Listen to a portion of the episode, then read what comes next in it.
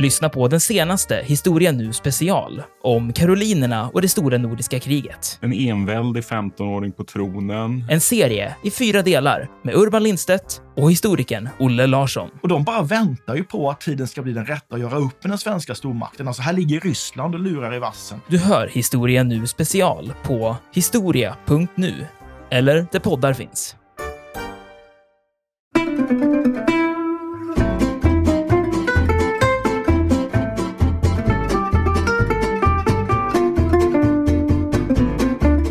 Även här är man ju försiktig och vill inte gärna bemanna den med människor från början, utan den första passageraren i Sverige som flyger ballong är ju en katt.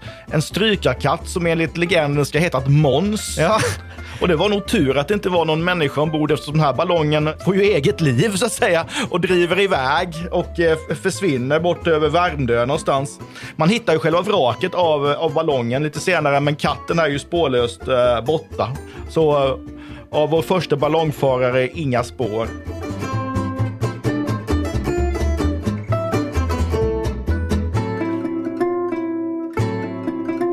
Podden En oväntad historia utgår från en liten händelse för att med glimten i ögat berätta den stora historien.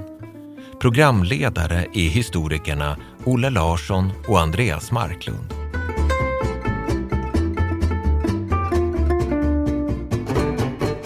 God morgon Olle. God morgon Andreas. Hur står det till? Det är jättebra. Visst har du skyhöga förväntningar på den här dagen? Jag skulle vilja påstå att de är rent av astronomiska. Fantastiskt, Faktiskt. fantastiskt. Och du kommer inte att bli besviken, det lovar jag. För, Ja, idag, för vi, i, I dagens avsnitt kommer vi äntligen att få stiga till väders. Ämnet för dagen är helt enkelt osedvanligt högtflygande. If I may. Vi ska nämligen prata om luftfart och flygande farkoster. Och det ska vi göra ur ett betryggande, jordnära, men förhoppningsvis också ganska oväntat historiskt perspektiv. Och eftersom vi på sedvanligt maner ska ta oss igenom det här fascinerande ämnet på inte så mycket mer än en halvtimme så kommer vi att rikta då våra historiska geniknölar mot en väldigt specifik fas av luftfartens historia, nämligen luftskeppens eller zeppelinarnas tidsålder, som då roughly speaking infaller mellan sekelskiftet 1800 och den 6 maj 1937. Hur låter det? Det låter toppen. Jag tycker de här luftskeppen är fantastiskt vackra. Det är liksom som luftens egna, alltså egen kamelkaravan. Ja. Långsamt, värdigt skrider det fram. Ja, eller, väldigt vacker metafor. Luftens titaner kanske man också kan prata om. Någon slags stormjättar eller något sånt. Men alltså, det finns alltså ett ganska precis slutdatum för den här vackra eran. Och det är möjligt att jag kanske överdriver lite grann nu då, i, i pedagogiskt syfte. Jag har ju hört någonstans att lite överdrift kan främja förståelsen. Men den konkreta historiska händelse som vi kommer att fokusera på idag innebar faktiskt på väldigt många sätt dödsstöten för den luftskeppsburna persontrafiken. Tillsammans med andra världskriget förstås, som ju innebar i större delen av världen ett totalstopp för nästan all civil och kommersiell luftfart. Men alltså innan vi reser tillbaka då till eh, dessa stormjättars och luftkaravaner's, zeppelinarnas fascinerande, paljettglittrande och champagnekorksmällande era, så måste jag fråga dig, Olle, har du någonsin prövat att flyga med zeppelinare eller en luftballong eller något annat bisarrt och, och episkt och vad ska man säga, våghalsigt? Eller har du något annat spännande flygminne som du vill prata om? Jag har aldrig åkt med en zeppelinare tyvärr. Det är väl kvar. Om man nu ska ha någon slags bucket list så får väl zeppelinflygning ligga på den. Det måste man Däremot ha. så har jag gjort en uppstigning i en luftballong. Det handlar alltså inte om någon slags rundtur, utan den var som vitt jag minns fortfarande förankrad i marken. Men det här var i Berlin och eh, den här ballongen var sponsrad av en eh, tidning som heter Die Welt. Och då kunde man mot en eh, ringa ersättning i, i, i, pengar få stiga rakt upp i den här ballongen och se ut över Berlin. Det var rätt fint faktiskt. Och förtjusande just den här tystnaden som finns där uppe. Det låter Sen har jag fantastiskt. gjort något väldigt, väldigt otäckt. Jag åkte en sån här paraflying, det vill säga att man drar sin fallskärm ett 30-tal meter upp i luften, kan jag tänka mig att det var, efter en motorbåt. Och det visade sig då att jag där uppe har eh, en fallenhet eller anlag eller problem med, hur man nu vill, svår svindel. Så att jag drabbades ju av alltså, fullständig dödsångest där uppe. Medan min då 12-årige son som satt bredvid mig i den här selen tyckte att det här var underbart roligt. Eh, jag tyckte det var jätteotäckt. Det upptäckte du alltså då, i skarpt läge? Nå, jag hade ju misstänkt att jag hade svindel innan, men jag tänkte att det kan inte vara så farligt. Men jag hade fel. Det var, väldigt, det var mycket, mycket obehagligt. Var det. Ja, det låter fantastiskt. Och den första episoden hade till och med en tysk förankring. Det var i Berlin. Absolut. Ja, det låter, det låter både episkt och historiskt passande. Och, och väldigt Daredevil-aktigt det sista. Sån är inte jag, Olle. Men alltså, jag har alltid gillat att flyga och jag blir fortfarande då barnsligt lycklig vid, vid take-off som det heter. Alltså då planet lättar från startbanan, då känner jag mig, jag vet inte, jag känner mig väldigt levande i det ögonblicket. Men alltså jag är inte någon våghals och jag är absolut inte någon konnässör på det här området. Jag har aldrig prövat luftskepp, jag har aldrig prövat luftballong, jag har aldrig prövat helikopter ens. Men en gång så flög jag faktiskt med privat jetflyg. Det var faktiskt bara här om månaden. Och det var hur häftigt som helst. Alltså då kände man verkligen att man befann sig mitt i luftströmmen, liksom, mitt bland luftströmmarna, samtidigt som man var, alltså de är ganska små, det var ganska lite plan. Det kändes att, att jordytan var väldigt, väldigt långt borta och det var där man egentligen hörde hemma. Skithäftigt.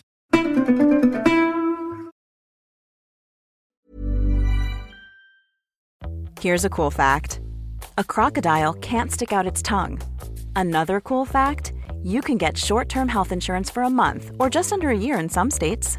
United Healthcare short term insurance plans are designed for people who are between jobs, coming off their parents' plan, or turning a side hustle into a full time gig.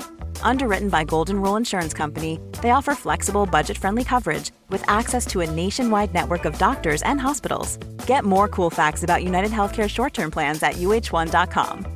Hey, I'm Ryan Reynolds. Recently, I asked Mint Mobile's legal team if big wireless companies are allowed to raise prices due to inflation. They said yes. And then when I asked if raising prices technically violates those onerous two year contracts, they said, What the f are you talking about, you insane Hollywood ass?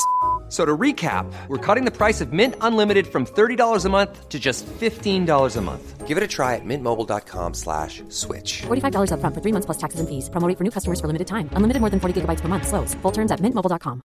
I'm Sandra, and I'm just the professional your small business was looking for. But you didn't hire me because you didn't use LinkedIn jobs. LinkedIn has professionals you can't find anywhere else, including those who aren't actively looking for a new job, but might be open to the perfect role, like me. In a given month, over 70% of LinkedIn users don't visit other leading job sites. So if you're not looking on LinkedIn, you'll miss out on great candidates like Sandra. Start hiring professionals like a professional. Post your free job on linkedin.com/people today.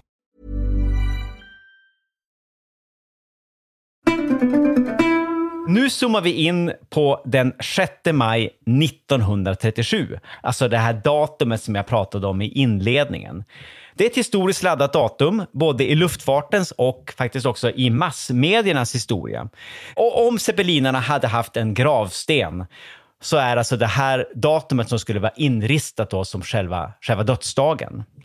Vi befinner oss i New Jersey, ungefär åtta mil sydväst om New York i USA. Det är ett flygfält vi blickar ut över, Naval Air Station Lakehurst, där den amerikanska militären på den här tiden hade en av sina luftskeppsstationer.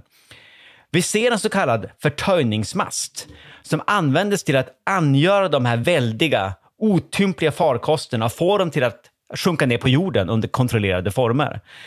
Men framförallt ser vi då ett, ett luftskepp, alltså ett titaniskt cigarrformat flygande föremål. 243 meter långt och med väldiga roder och sidovingar och dekorationer. Bland annat då omisskännliga tyska hakkors. Det här är nämligen den tyska zeppelinaflottans absoluta flaggskepp, Hindenburg. Världens största luftskepp och egentligen då världens största stela luftskepp. Men det är en teknikalitet och jag tänker mig att vi inte snackar mer om det idag. Vi är trots allt historiker. Här räcker det att konstatera att Hindenburg verkligen då är en slags titan. Alltså den, den var ynka 26 meter kortare än oceanångaren Titanic, som i sin tid var världens största passagerarfartyg. Och Titanic gick ju som bekant ett väldigt tragiskt öde till mötes. Hon kolliderade ju med ett isberg under sin jungfrufärd över Atlanten i april 1912 och sjönk som en sten till havets botten tillsammans med ungefär 1500 människor.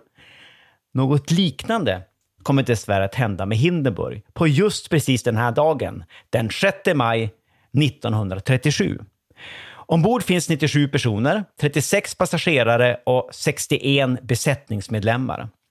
De har befunnit sig på resande fot sedan den 3 maj samma år, alltså tre dagar ungefär, då Hindenburg lämnade Frankfurt för sin tolfte transatlantiska flygning. Alltså hon har gjort tio resor till USA och en till Brasilien och är just nu då på väg att eh, avsluta eller genomföra ännu en dag till USA.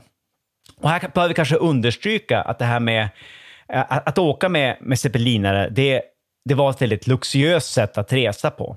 Biljetterna till zeppelinarna de var, de var skitdyra och komforten ombord ansågs vara bättre än på periodens oceanångare av många ögonvittnen och eh, förmögna människor. Även om man då skulle åka på första klass på en oceanångare så kloddes det av zeppelinarna. Alla passagerare på Hindenburg hade naturligtvis varsin hytt. Men ombord på Hindenburg fanns också gemensamma utrymmen. Det fanns bland annat en restaurang, en bar, en lounge och ett rökrum. Detta trots att eh, ballongen var fylld med vätgas, som ju är ett tämligen farligt och lättantändligt ämne. Och jag tänker mig, Ola, att vi återkommer till vätgasen och rökrummet lite senare i det här avsnittet. Lite, lite spoiler alert här. I alla fall, vädret i New Jersey är ganska dåligt den här dagen. Det är regnigt, det är blåsigt och till och med lite åska i luften. Därför är luftskeppet försenat. Och när det äntligen dyker upp då vid sjutiden på kvällen så har det stora problem att, att hitta av den där förtöjningsmasten på grund av de kraftiga vindarna. Men till sist, till sist lyckas man då få fast landningslinorna och Hindenburg börjar långsamt att finchas ner mot marken från ungefär 200 meters höjd. Men kring 25 minuter över sju, då luftskeppet befinner sig ungefär 90 meter över markytan, då inträffar då den stora katastrofen.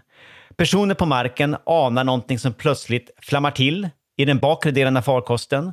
Folk ombord känner en plötslig skakning och det hörs också då en dov smäll, en dov detonation från en plats inne i själva ballongen. Sen slår det ut väldiga eldslågor ur luftskeppets bakparti, alltså akten. Och på nolltid förvandlas Hindenburg till ett flammande eldklot som störtar ner mot marken med akten, bakdelen först och 40 sekunder senare är allting över. Det enda som finns kvar av världens största luftskepp är ett rykande gigantiskt stålskelett. Av själva ballongen finns inte längre några spår. Osannolikt nog, och naturligtvis också lyckligtvis nog, så var det faktiskt ganska många överlevande. 35 av de ombordvarande och en person på marken dog i katastrofen, men av de 97 personer som hade rest med Hindenburg över Atlanten så överlevde hela 92 stycken, eller förlåt, 62 stycken. Många av dem kastade sig helt enkelt ut genom fönstren medan då Hindenburg störtade i lågor ner mot marken. Men inte desto mindre var det alltså 36 personer som omkom i flammorna. Så Hindenburgkatastrofen var då onekligen en lika dramatisk som traumatisk händelse. Dessutom spelades den in på film eftersom det fortfarande var en ganska stor grej med transatlantiska flygningar på 30-talet. Så det fanns både filmare och radiojournalister på plats som på olika sätt förevigade den här katastrofen som blev ett slags du vet, the media event of the century där under åren före andra världskriget. Det gjordes bland annat då flera journalfilmer, eller newsreels som man säger på engelska, om Hindenburgs undergång som man i våra dagar kan hitta på Youtube, ganska många olika utgåvor. Eh, och på 30-talet användes det här som en slags förfilmer eller eh, uppvärmningsfilmer när man gick på bio. Dessutom var det en radiojournalist på flygfältet, en viss Herbert Morrison, som egentligen hade åkt dit då för att göra ett reportage om den storslagna landningen. Men han blev då istället då ett, ett ögonvittne till den här katastrofen och levererade en, en ytterst dramatisk, ytterst känsloladdad ögonvittnesskildring i realtid, där han bland annat utropade “Oh, the humanity and all the passengers screaming around us”. Och bisarrt nog, jag tycker det här är jättebisarrt, det här reportaget spelades in på en grammofonplatta alltså sån här gammal 78-varvare, stenkaka, samtidigt som Hindenburg föll till marken. Så det här, det här kunde ju spridas ganska lätt. Det fick en helt enorm spridning i tiderna eh, efter katastrofen, det här radioreportaget, och användes bland annat då som ljudspår till de här svartvita journalfilmerna, där miljontals biobesökare i USA och Europa med egna ögon kunde se hur Hindenburg, detta teknologiska underverk från nazisternas Tyskland, förtärdes av lågorna. Olle, det här var naturligtvis ingen bra reklam för luftskeppen som transportmedel och vad ska man säga, zeppelinerbranschen i största allmänhet. Men nu tänkte jag att vi för stunden lämnar detta bistra, bittra slutkapitel och tittar tillbaka på de klassiska luftskeppens guldålder istället. Men allra först, Olle, när började vi egentligen flyga? När, när, när började vi stiga till väders? Jag tror att det här med att flyga, det är någon sån här urgammal dröm som människan har haft i alla tider. Jag tror alltid att människan har fascinerats av eh, himlen, av eh, himlakroppar och fascinerats av tanken på hur det skulle vara att kunna vistas där uppe. Så jag tror att själva drömmen om att kunna flyga, det är liksom, den, den är, den är tidlös, den har funnits från början. Och det finns ju en hel del myter från den, till exempel den europeiska antiken som handlar just om människor som har lyckats flyga. Jag tänker på den kända berättelsen om Ikaros, vars far Daidalos tillverkar sonen ett par eh, vingar som fästs med vax på ryggen och han lyckas då flyga iväg. Men kommer ju tyvärr då lite för nära solen, vilket inte blir jättebra eftersom vaxet smälter och han störtar ner i Medelhavet och omkommer. Sen finns det ju andra berättelser om då verkliga flygturer som har företagits. Och det här är ju redan ett par århundraden före Kristus och vi befinner oss då i Kina där det finns belägg för att man har flugit med, med drakar, alltså stora jättedrakar som har kunnat bära eh, människor. Men det tar ju tag alltså innan man lyckas bemästra detta. Man försöker med olika typer av, av uppfinningar. Till exempel under renässansen så har vi Leonardo da Vinci som eh, konstruerar någon slags flygmaskin, en ornihopter. Orni som då är fågel, jag tycker det är ett roligt namn. Ja. Eh, men det är ju alltså, det är ju egentligen på ett skissplan. Det går ju inte att förverkliga. Utan fortfarande vid den här tidpunkten så är ju, alltså det här med att kunna flyga, det är ju magiskt, nästan på lite övernaturligt. Jag tänker på eh, de svenska trolldomsprocesserna med berättelsen om, om kvinnor som har flugit på så kallade flygskaft eller med hjälp av, eh, av flygande djur, kossor och annat, flugit till Blåkulla och där träffat djävulen. Så att det tar ju ett tag, det tar ju en bit in på 1700-talet innan liksom flygning blir någon form av teknisk möjlighet. Ja, just det. Precis. Eh, för liksom jordens dragningskraft ställer till med problemen, om man ska säga. Men jag tänkte de där kossorna, de är väl ofta bak och framvända? Ja, de flyger ofta bak och fram och hela den här Blåkulla-föreställningen är ju mycket den här upp och nervända världen. Samlag rygg mot rygg. Ju mer man dricker, ju törstigare blir man. Och, ja, och precis, sådär. precis. Jag, jag, jag tänkte att det var mer aerodynamiskt att ha liksom kossan bak och framvänd. Ja, jag har inte ens tänkt på kossornas aerodynamiska egenskaper, men det, det är nog inte alls omöjligt nej, men, nej, men det är korrekt. Alltså, det fanns ju, det, det, är också mitt intryck, alltså, det var något väldigt, alltså, det var gudomliga budbärare och det var liksom svartkonstnärer och sådana saker som, eh, som, som, kunde flyga. Det var det man förknippade flygandet med. Alltså något övermänskligt och övernaturligt. Men det ändras ju som du sa där på, på 1700-talet och de här franska bröderna Montgolfier, Jacques och Josef, Joseph Montgolfier får liksom en luftballong, en varmluftsballong att, att stiga till väders från slottet Versailles år 1783. Och då finns ju både då Ludvig XVI, Marie Antoinette och den amerikanska uppfinnaren Benjamin Franklin i publiken. Däremot är det inga människor ombord på själva ballongen, utan världens första aeronauter eller ballongfarare, det var ju faktiskt då en anka, ett får och en tupp. Men så får ju bröderna Mont Montgolfier allra nådigast kungens tillstånd att skicka upp människor i en varmluftsballong, alltså efter det här. Så bara några månader senare, det är slutet av 1783, jag tror det är november eller något sånt, så skickar man upp då två franska markiser, en viss François Pilatre de Rossier och en François Laurent d'Arlandais de genomförde den första bemannade ballongflygningen. Och jag vet inte om man kan höra det när jag säger det här på franska. Darlandais låter ju i mina öron väldigt mycket som Arlanda. Eh, ja, det, det slog mig också. Det, är, det måste ju, ja, det är Arlanda. Absolut. Vi, vi, måste undersöka det där någon gång. Ja. Det låter ytterst märkvärdigt. Men sen kommer det här till Sverige. Visste du om det, Olle? Alltså redan 1784 så släppte man faktiskt upp en luftballong från Observatoriekullen i Stockholm. Ja, jag tycker det är jättespännande och just att även här är man ju försiktig och vill inte gärna bemanna den med människor från början, utan den första passageraren i Sverige som flyger ballong är ju en katt. En strykarkatt som enligt legenden ska heta Måns. Ja. Och det var nog tur att det inte var någon människa ombord eftersom den här ballongen får ju eget liv så att säga och driver iväg och eh, försvinner bort över Värmdö någonstans.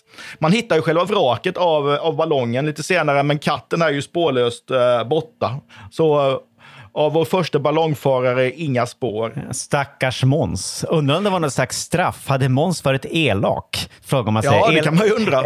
Men det, jag tycker ändå det är fascinerande för att sen, det går, det går ju ganska snabbt innan man börjar fundera över att, alltså, att ballongen kan vara någonting mer än bara liksom en, en spektakulär uppvisningssak. Att titta, vi kan, vi kan flyga i luften och så här. Jag, jag vet, jag läste någonstans att man eh, under Napoleonkrigen så planerade, eller man drog upp en plan i alla fall, som aldrig sattes i verket sen, på att man skulle kunna invadera Storbritannien från luften med hjälp av luftballonger över Engelska kanalen. Just det. Just det. Och danskarna använde de ju faktiskt till att sprida eh, propaganda gentemot Sverige under Napoleonkrigen. Alltså den där planerade invasionen som aldrig blev av, där 1808-1809, det har vi pratat om tidigare. Det resulterade faktiskt i någon slags eh, luftbombning med eh, propagandablad där det står att det är Fredrik VI som är Sveriges egentliga kung. Eh, och det gör man då med, med luftballonger. Det är ganska intressant.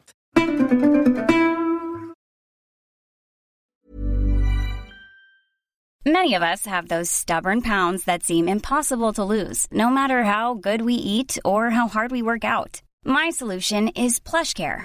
PlushCare is a leading telehealth provider with doctors who are there for you day and night to partner with you in your weight loss journey. They can prescribe FDA-approved weight loss medications like Wagovi and Zepbound for those who qualify. Plus, they accept most insurance plans. To get started, visit plushcare.com slash weight loss. That's plushcare.com slash weight loss. Hiring for your small business? If you're not looking for professionals on LinkedIn, you're looking in the wrong place. That's like looking for your car keys in a fish tank.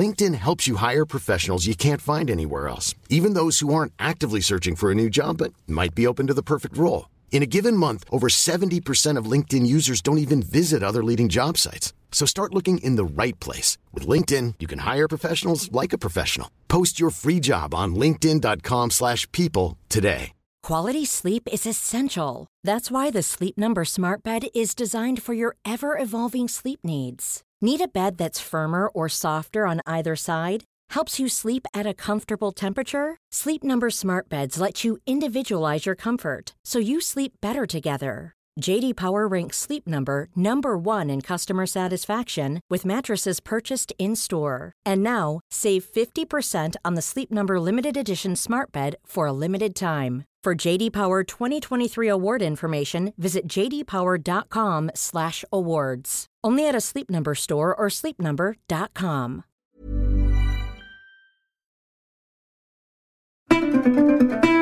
ballongflygandes ädla konster som du nämnde går från att vara en sån där äh, vad säger, underhållningsgrej nästan i slutet av 1700-talet till att bli det används kanske inte till kommersiell luftfart, men det används ju till, äh, alltså, till militära ändamål och till vetenskapliga expeditioner. Ingenjör André har vi ju i Sverige till exempel, som vi kommer att prata om senare i ett annat sammanhang. Och så användes det under fransk-tyska kriget. Det är ju ett väldigt känt exempel där 1870-1871, då fransmännen använde det här till att eh, transportera både människor och utrustning och viktiga meddelanden över fiendens linjer. Men sen är det naturligtvis så att flygplanet är ju då nästa viktiga milstolpe i luftfartens historia. Och det, det, det, det liksom sker liksom successivt där mellan ungefär 1890 och början av 1900-talet. Först är det då en, eh, en våghalsig tysk, kanske smågalen tysk, vid namn Otto Lilienthal. Han genomför ju världens första flygning med ett glidflygplan 1891 det är ett, alltså ett motorlöst glidflygplan och fullständigt livsfarligt. Den här äh, Lilienthal, han omkommer ju bara några år senare där han störtar rakt ner med, det här, med ett av sina glidflygplan som var fullständigt omöjliga att styra. Men sen är det ju de här amerikanska bröderna Wright, alltså Wright med W, Arville och Wilbur. De genomför ju 1903 den första kontrollerade flygningen med ett flygplan som inte bara då är Eh, styrbart så att säga och ganska stabilt i sin konstruktion. Det har ju dessutom då en ganska lätt men ändå stark förbränningsmotor som gör att ja, man både kan styra det planet och man kan ta upp det på ganska höga höjder, alltså väsentligt högre då än, än luftballongerna till exempel. Och det här bröderna Wrights uppfinning, det var naturligtvis en, en väldigt viktig milstolpe för utvecklingen av den här motoriserade luftfarten som på gott och ont har präglat hela 1900-talet och även då vår egen tidsperiod. Men flygplanet hade ju då faktiskt konkurrens i början av en mer avancerad form av luftballong. Det var en tysk greve och entreprenör vid namn Ferdinand von Zeppelin som utvecklade då en manövreringsbar variant av luftballong kallad luftskepp eller zeppelinare. Vad vet vi om dessa farkoster och deras avtryck i världshistorien, Olle? Ja, om man börjar med vad en zeppelinare är så är det här någon slags motordriven eh, gasballong, oftast väldigt, väldigt stora konstruktioner. Gigantiska. Eh, den första provflygs i juli 1900 och vi befinner oss då i Tyskland, närmare bestämt vid Bodensjön i södra Tyskland. Och eh, en av de som finns ombord på den här låt oss kalla det för jungfruflygningen, är ju herr, eller greve Zeppelin eh, själv. Och det får man ju säga är ju rätt tufft med tanke på att det var obeprövat. Men de här är ju ganska lätta att manövrera på grund av att de har ett väl fungerande roder, de har flera propellrar, de är mycket lättare att liksom styra än en vanlig luftballong och dessutom så kan de ju stiga mycket högre. Och till och med inte bara högre än luftballonger utan också högre än de eh, tidigare eh, flygplanen. Och det här blir ju en framgång, eh, får man ju säga. Och 1909 så grundas ju det första kommersiella luftfartsbolaget, alltså Deutsche Luftschiffsaktiengesellschaft, som startat inrikes, alltså linje för inrikesflyg i ja. Tyskland. Ja. Ja, det är helt fantastiskt. Så det förekommer alltså kommersiell luftskeppstrafik inrikes i Tyskland under decenniet före första världskriget. Det är helt otroligt. Men sen kommer det då ett ganska långvarigt och ovälkommet avbrott efter då första världskrigets utbrott 1914. Men då började de här luftskeppen naturligtvis att användas i militärt syfte. I första hand på den tyska sidan eftersom de har den mest imponerande luftskeppsproduktionen. Men även Antanten, alltså västmakterna och Ryssland, hade då eller i alla fall Frankrike och England, hade då egna luftskepp som användes operativt under första världskriget. Och ett viktigt användningsområde var flygspaning. Det hade man också gjort med luftballonger under amerikanska inbördeskriget till exempel. Men luftskeppen kunde ju ta sig mycket längre och mycket högre och var därför då långt mer effektiva som spaningsfarkoster. Men tyskarna började att använda zeppelinerna till att genomföra då bombräder mot olika europeiska städer, bland annat då Antwerpen, Paris och London. Så det här blir ju någon slags första blitzen egentligen. Ja, men det, någon det... slags eh, lillblitzen, för ja. de kan ju inte bära så ohyggligt mycket last som de senare eh, tunga bombplanen kunde göra. Men icke desto mindre, här föds ju liksom, eh, kommer ju flygbombningarnas historia. Och från och med nu så blir ju liksom luften en, en ytterligare en, en, en del av eh, av slagfältet i modern eh, krigföring. Ja, precis. Luftrummet blir en del av slagfältet, precis som hemmafronten. Alltså det, är det, som, för det är det som händer här. Alltså den där, vad ska man säga, gränslinjen mellan hemmafronten och slagfältet går i upplösning på grund av de här luftbombningarna. Så nu Storbritannien, inklusive London, då, bombas ju flera gånger av de här luftskeppen. Och att man ska liksom, och det, som du själv nämnde, de kan inte få med så himla många bomber, lyckligtvis. Så det är inte så otroligt effektivt om man bara mäter i antalet materiella skador och dödsoffer. Det kan inte alls mäta sig med, med, med blitzen på 40-talet över London till exempel. Men de sprider ju skräck och terror hos civilbefolkningen och det var framförallt det som var syftet. Det var en medveten del av tyskarnas strategi. Den här tyska luftstridsflottan hade ju då en en, en chef, militär chef som heter Peter Strasser som bland annat är känd för att ha sagt att de djur som vi en gång i tiden kallade icke-kombatanter existerar inte längre, utan det moderna kriget är det totala kriget. Och det här gör ju de här zeppelinarna och zeppelinaräderna eh, viktiga i, i, i krigens historia, därför att det här förebådar ju luftkriget och de här den otroliga förödelse som luftkriget kommer att föra med sig i framtidens krig. Vilket vi ser fortfarande idag. Precis. Sk- alltså terrorn från ovan. Terror from the sky. Skräcken från Dö, ovan kanske. döden i luften. Döden i luften, eller döden från luften. Helt klart. Men alltså på grund av alla dessa ohyggligheter, döden i luften, så tvingades tyskarna att överlämna alla sina zeppelinare till de allierade då, efter första världskriget som en del av Versaillesfreden. Men det var inte förbjudet för tyskarna att bygga nya luftskepp för civilt bruk, så snart kom då den här tyska luftskeppstrafiken igång igen faktiskt, alltså under det glada 20-talet. Och 1924 så genomfördes den första transatlantiska flygningen med luftskepp. Då det är 200 meter långa, alltså de är så himla stora de här. Ett 200 meter långt luftskepp vid namn LZ 126. Det flögs då från Bodensjön i Tyskland till den här Lakehurst Naval Air Station i New Jersey. Och vid ankomsten bytte det här namn till USS Los Angeles eftersom då zeppelinaren överlämnades till amerikanerna som en del av det här krigsskadeståndet som tyskarna skulle betala efter första världskriget. Så det här började användas för amerikansk inrikestrafik. Och jag tror också att det flög en del mellan Nordamerika och Sydamerika. Och det är rätt fascinerande då att det som börjar då i liten skala med lite tysk inrikestrafik då på 30-talet faktiskt blir en reguljär transatlantisk luftlinje mellan Europa och USA. Det här, precis, det här blir ju de facto globalt under mellankrigstiden. Eh, alltså restriktionerna lättar ju för, för tysk luftfart under loppet av 20-talet och 1930 som du nämnde, det är det året då börjar zeppelinerna att flyga reguljärt från Europa över Atlanten, både till Nordamerika och till Sydamerika. Och där fick ju naturligtvis en massa uppmärksamhet i medierna, bland annat då den här gigantiska Graf Zeppelin, som var då flaggskeppet, det största luftskeppet före Hindenburgs konstruktion. Det genomförde då en kommersiell jorden runt-flygning, världens första kommersiella jorden runt-flygning 1929.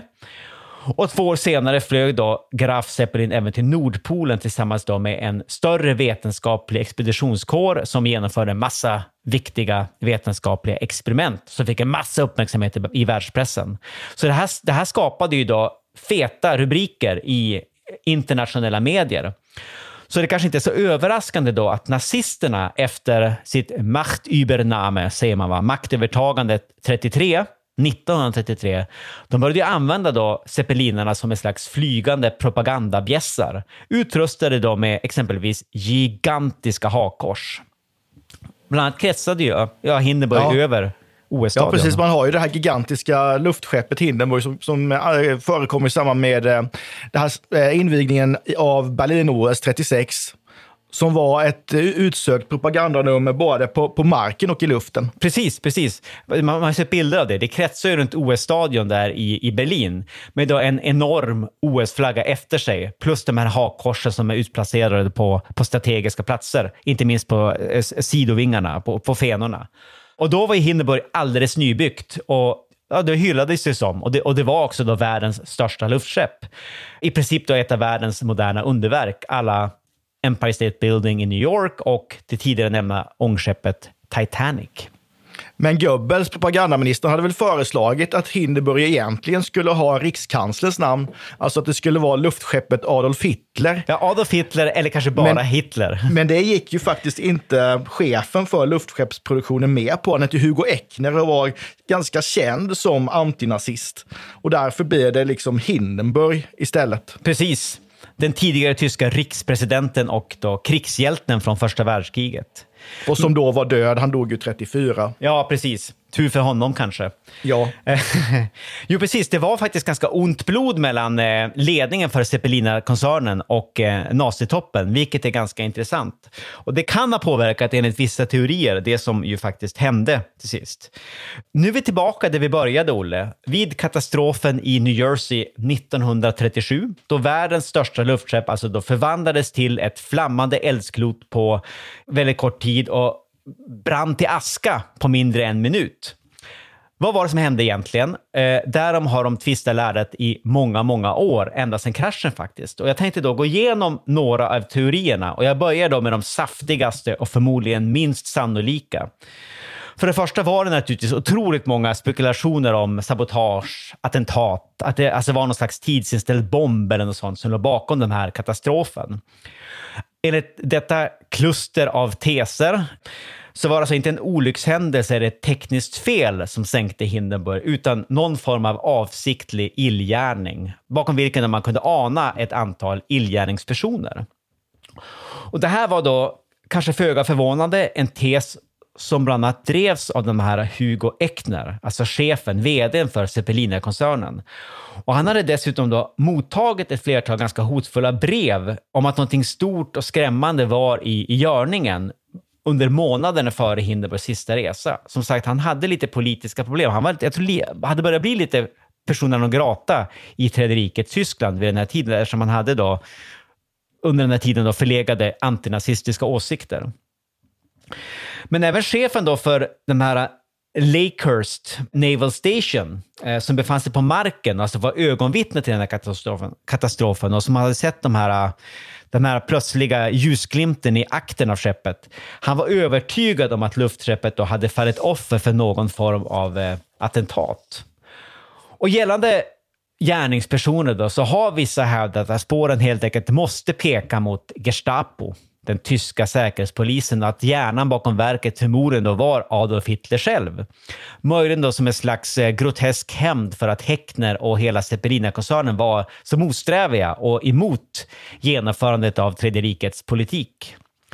Ett annat namn som har nämnts, även då FBIs utredning omedelbart efter katastrofen, det är en viss Josef Spä, som var en av de här som faktiskt överlevde katastrofen, en passagerare. Han krossade ett fönster med en kamera, tror jag, och hoppade rakt ut i luften.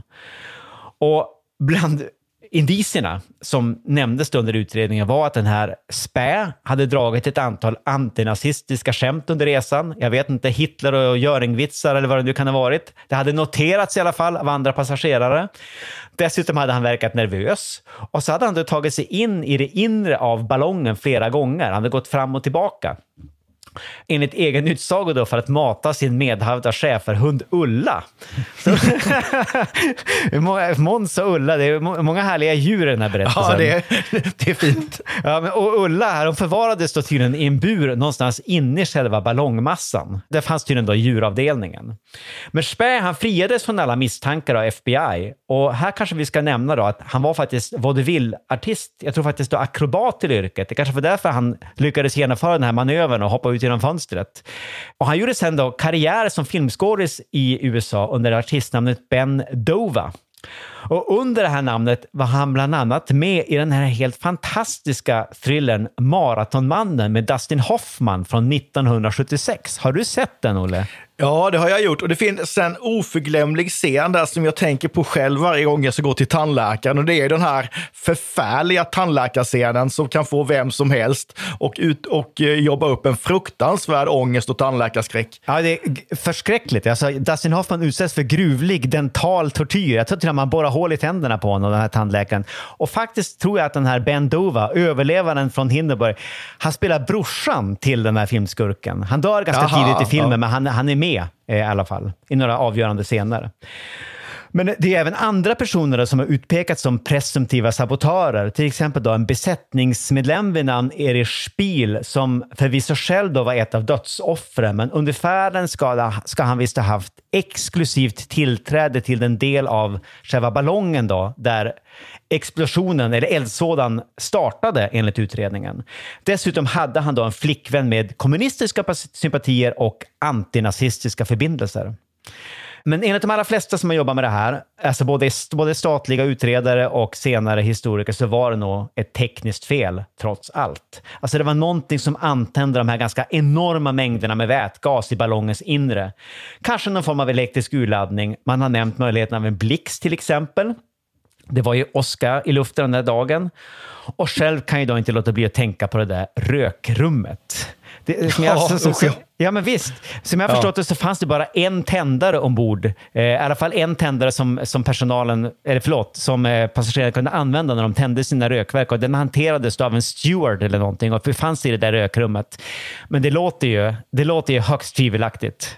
Men det är också rätt typiskt att varje gång någon sån här stor och spektakulär olycka eller händelse inträffar så kommer alltid de här konspirationsteorierna. Det kan aldrig finnas en naturlig förklaring, men när allt kommer till allt så visar det sig att det oftast gör det och att det finns ingen grund i konspirationerna. Precis, så är det ju väldigt ofta. Särskilt när de här katastroferna fångas på film och blir en media event som händer eh, alltså, i, i fallet Hindenburg. Men sen, alltså, du är helt rätt. Hindenburg var ju långt ifrån det första luftskeppet i världshistorien som exploderade. Och det var faktiskt inte den värsta katastrofen mätt i antalet dödsoffer. Bara några år tidigare var det ett brittiskt luftskepp som hade startat över Frankrike och då var det fler döda. Nästan alla ombord dog. Jag tror det var 45 av 54 personer eller något sånt. Och det finns många fler exempel på exploderande luftskepp. Orsaken var ofta just precis den här vätgasen som läckte ut och började brinna. Alltså den hade en väldigt obehaglig tendens att göra det. Det var ju alltså luftskeppens stora akilleshäl. Men Olle, vi har ju snackat om slutet av en era idag och vi vet ju alla att det var de motordrivna flygplanen som tog över lufthaven, egentligen redan före då krigsutbrottet 1939. Men efter andra världskriget så började flyg, flygplanen på allvar att användas då som, alltså mer storskaligt då för kommersiell persontrafik. Men nu kommer en fråga till dig faktiskt. Då. Borde inte luftskeppen kunna få en comeback idag? Alltså då luftfarten befinner sig i någon slags existentiell kris på grund av klimathotet? Eller vad säger du? Alltså, är det realistiskt att föreställa sig en andra guldålder för de stolta zeppelinarna? Kanske utan hakkors då, men tänk kanske med stora bilder av till exempel då Greta Thunberg på den och sånt där. Kan vi tänka oss en ny generation av zeppelinare? Jag skulle ju gärna se zeppelinare. Jag tycker de är vackra och smäckra och eh, rör sig tyst och ljudlöst pampigt på något vis över himlen. Men, och det är ju ett stort men, det finns två saker då som jag skulle vilja ha en lösning på. Det ena är den där otäcka vätgasen. Jag skulle inte känna mig helt bekväm att sitta i ett luftskepp med vätgas, även om man tar bort djuravdelningen och det här eh, rökrummet. Helst inga rökrum. Det är det ena. Och det mm. andra som jag tänker, det är ju att det som, det som är flygplanens stora fördel, det är ju, det är ju hastigheten. Och frågan är om man någonsin kan få ett luftskepp att konkurrera med ett flygplan i vad det, när det gäller hastighet. Men visst, alltså skulle det gå att lösa, vilket kanske inte alls är omöjligt rent tekniskt, så skulle jag gärna se zeppelinare. Mm, mm. Jo, men jag kan tänka, hastigheten måste vara, säkerheten ja. Jag tror att man kan hitta man måste kunna hitta ett säkrare bränsle än, än, just vätgas. Men det där med hastighet är säkert ett stort problem, för om de här börjar flyga för snabbt, det är ju ballonger, då blir de ganska utsatta för väder och vind känns det som. Och även den där skönheten som du nämnde, den där värdigheten, de är ju lite grann flygande valar i mina ögon. Ja, men det, så, absolut. Det ser nog inte lika bra ut om de flyger i allt för höga hastigheter. Eh, men visst, det är ju jättespännande att spekulera på det här. Vi har redan överskridit vår tidsgräns, så jag tror vi säger tack och adjö. Tack så mycket Andreas. Och ses Spännande. En gång. Ja, jättespännande. Som alltid. Vi ses! Vi ses. Hej då! Hej! Vi tackar programledarna Olle Larsson och Andreas Marklund. Kontakta gärna Olle och Andreas på ovantad.historia.nu. Vi läser allt, men hinner kanske inte alltid svara.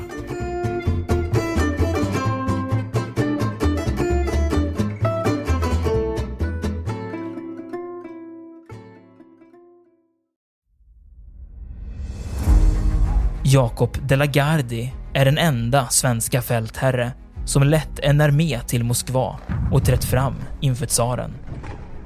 Bedriften gjorde honom till en av 1600-talets största befälhavare. Moskvas erövrare är den första biografin över Jakob de la Gardie, en av stormaktstidens portalfigurer.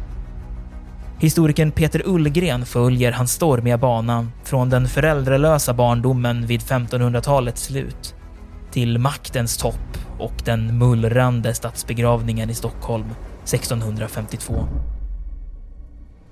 Moskvas erövrare är utgiven av förlaget Historiska Media. Ljudboken finns tillgänglig hos streamingtjänster som Bookbeat, Storytel och Nextory. Beställ den fysiska boken på förlagets hemsida historiskamedia.se eller köp den i en bokhandel nära dig.